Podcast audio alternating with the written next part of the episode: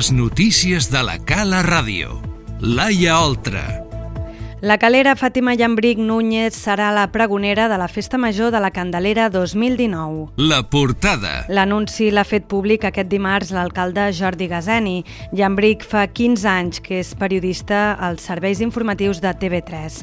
Daniel Rodríguez. La seva trajectòria professional ha estat sempre lligada als temes d'àmbit judicial i policial.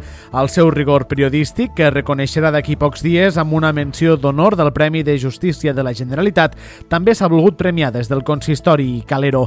Aquest és un dels arguments que ha exposat l'alcalde per l'elecció de la periodista de TV3 com a convidada d'honor de la Candelera d'enguany. Gazeni també creu que s'ha de fer valdre el talent de persones joves com Llambric.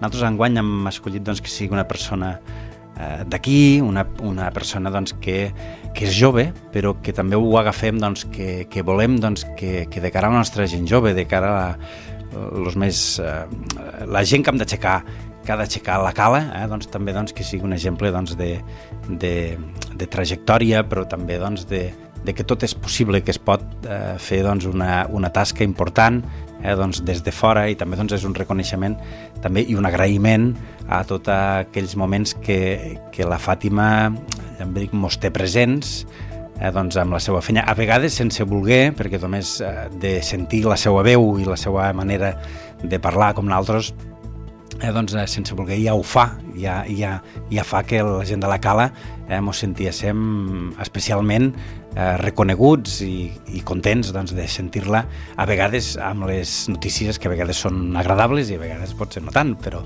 però bé, és la seva feina i també doncs, eh, és això també, esta part de reconeixement. Eh, és un any on ella eh, rep aquest reconeixement tan important de la Generalitat de Catalunya i, i des del seu poble el que volem també és fer-li costat amb ella i a la seva família eh, perquè també doncs, veiem doncs, que, eh, bé, per què no, doncs, ser un mirall de, de lo que pot ser doncs, la societat calera. La pregonera signarà el llibre d'honor de l'Ajuntament el divendres 1 de febrer abans d'acompanyar la Corporació Municipal i les pubilles de Migeles, Deus i Quintos al pregó de Festa Major, on dirigirà un discurs per totes les caleres i caleros. Et fas una casa i no saps a qui confiar la instal·lació elèctrica? Par de cala. El teu aparell d'aire condicionat o calefacció no funciona? Vols deixar de passar calor a l'estiu i fred a l'hivern? Par de cala. Has de passar la revisió dels teus aparells contra incendis o dels equips de pressió? Par de cala. Instal·lacions Par de Cala. Tot en electricitat, fontaneria, calefacció, aire condicionat, gas i energies renovables. I ara, projectes elèctrics i legalitzacions. Estem al teu servei al carrer Lluís Company 5 de l'Ametlla de Mar. El nostre telèfon és el 977 45 76 92. Instal·lacions Par de Cala. Garantia de professionalitat. Més temes. L'agenda gastronòmica de l'Ametlla de Mar tindrà canvis aquest 2019. La Diada dels Fideus Rossejats serà el juliol, coincidint amb la Festa de la Mar, però es mantenen al juny les jornades gastronòmiques. Durant l'any s'oferiran fins a tres rutes d'etapes diferents, eliminant-ne una a petició dels propis restauradors, amb nous preus més ajustats. El calendari s'iniciarà al febrer amb les jornades de la galera que realitzen les quatre viles marineres de les Terres de l'Ebre i seguiran al març amb la la segona edició de la ruta d'etapes Tot s'hi val. Tant aquesta com la ruta de la tapa marinera del juny tindran un preu unificat de 3 euros amb tapa més beguda. La cita estrella són les jornades gastronòmiques de la Tonyina Roja del Mediterrani entre l'abril i el maig. Sumada a la festa que organitza l'Ajuntament, hi haurà menús i ruta de tapes als bars i restaurants de la població. En aquest cas, el preu de la tapa serà de 4 euros, també amb beguda inclosa. Pel que fa als típics plats locals, l'arrossejat mantindrà la seva diada a l'octubre coincidint coincidint amb les jornades gastronòmiques restaurants, però els fideus rossejats tindran les jornades al juny i la dia del juliol, per coincidir amb la Festa de la Mar i la trobada de vela llatina. Damià Lleó és el gerent de l'àrea de turisme. Bueno, generalment la... enguany ja la 25a de dia dels fideus rossejats se feia coincidir sempre amb les jornades de... dels fideus rossejats, evidentment, i sempre era pues, a mitjans de juny, però enguany el dia 7 de juliol eh, s'organitza la, la Festa del Mar i la trobada de la Llatina. I nosaltres des de l'organització, que és de, des de festes i cultura, vam, ens vam demanar de dir, eh, organitzem també la Dia de l'Arrossejat coincidint amb la Festa del Mar per, per, a, per a realçar els dos actes. Nosaltres vam estar parlant amb els, amb els restaurants, els restaurants van dir, pues, bueno, fem això, però les jornades continuem mm -hmm. fent i la ruta de l'etapa continuem fent el mes de juny perquè el mes de juliol pues, ja és temporada alta i els restaurants pues, ja estan abocats eh, amb els clients ja d'estiu i amb els estudiants. Aquests són els principals canvis de les propostes gastronòmiques que programa durant l'any l'àrea municipal de turisme. L'objectiu dels canvis és oferir una millor experiència als clients reforçant els mesos de menys afluència de visitants i seguir posicionant la població com una de les destinacions preferents en turisme gastronòmic. I nou pas perquè el servei de radioteràpia s'instal·li a l'Hospital Verge de la Cinta. L'Ajuntament de Tortosa va aprovar ahir una modificació del pla urbanístic perquè la zona verda anexa al centre hospitalari es pugui convertir en un nou edifici oncològic amb un accelerador lineal de nova tecnologia per aplicar tots els tractaments radioteràpics. El servei de radioteràpia es troba actualment a l'Hospital de la Santa Creu de Jesús. El Departament de Salut va anunciar ja fa uns mesos el seu trasllat i ja ha adjudicat l'assistència tècnica per redactar el projecte.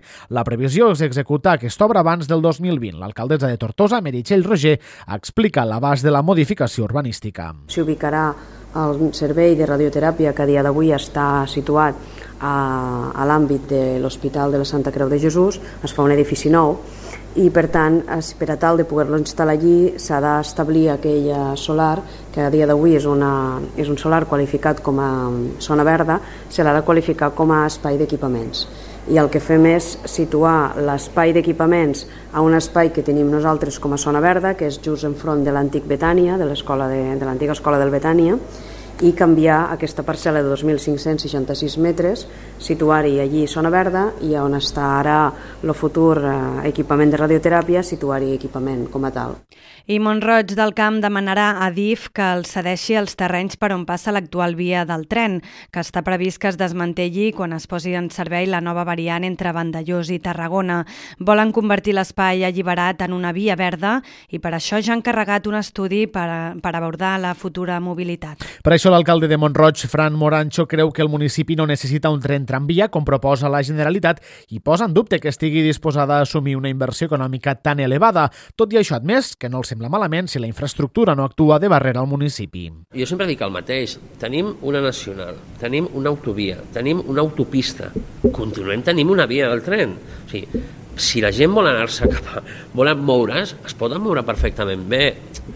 Que, que, que hi ha la gran necessitat per a la població que tenim entre mi i Hospitalet de fer un tramvia?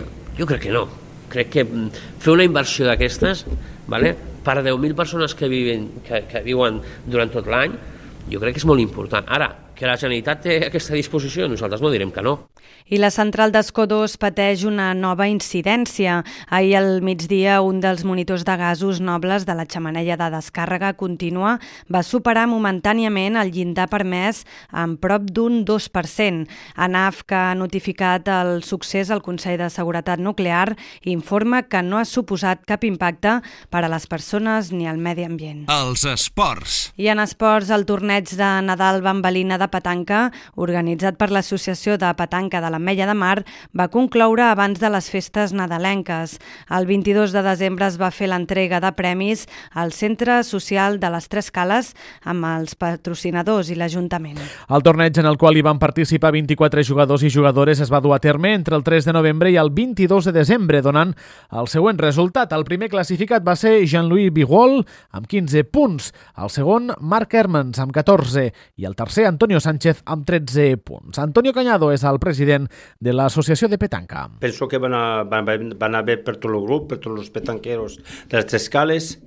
Se va, lo van fer, va durar set setmanes i eren uns 24 jugadors i jugadores, també hi havia dones, que van a, va haver un guanyador, uh, el que va marcar més de punts, que va acabar en 15 punts, va ser l'amic suís que diuen Jean-Louis Voirol, i tot molt content. Este torneig va estar patrocinat per la Centre Social La Bambalina. Estem contents perquè va haver molta gent, ho fem cada dissabte de tarda.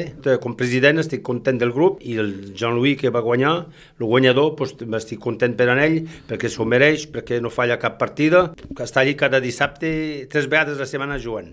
Ara l'entitat està organitzant un nou torneig, en aquesta ocasió amb motiu de la festa de la Candelera, que es disputarà al Parc Públic de les Tres Cales el pròxim dissabte, 26 de gener, a partir de les 10 del matí, amb la participació de jugadors de la veïna urbanització de Calafat i també del municipi de Camarles. L'actualitat segueix a la cala rtb.cat.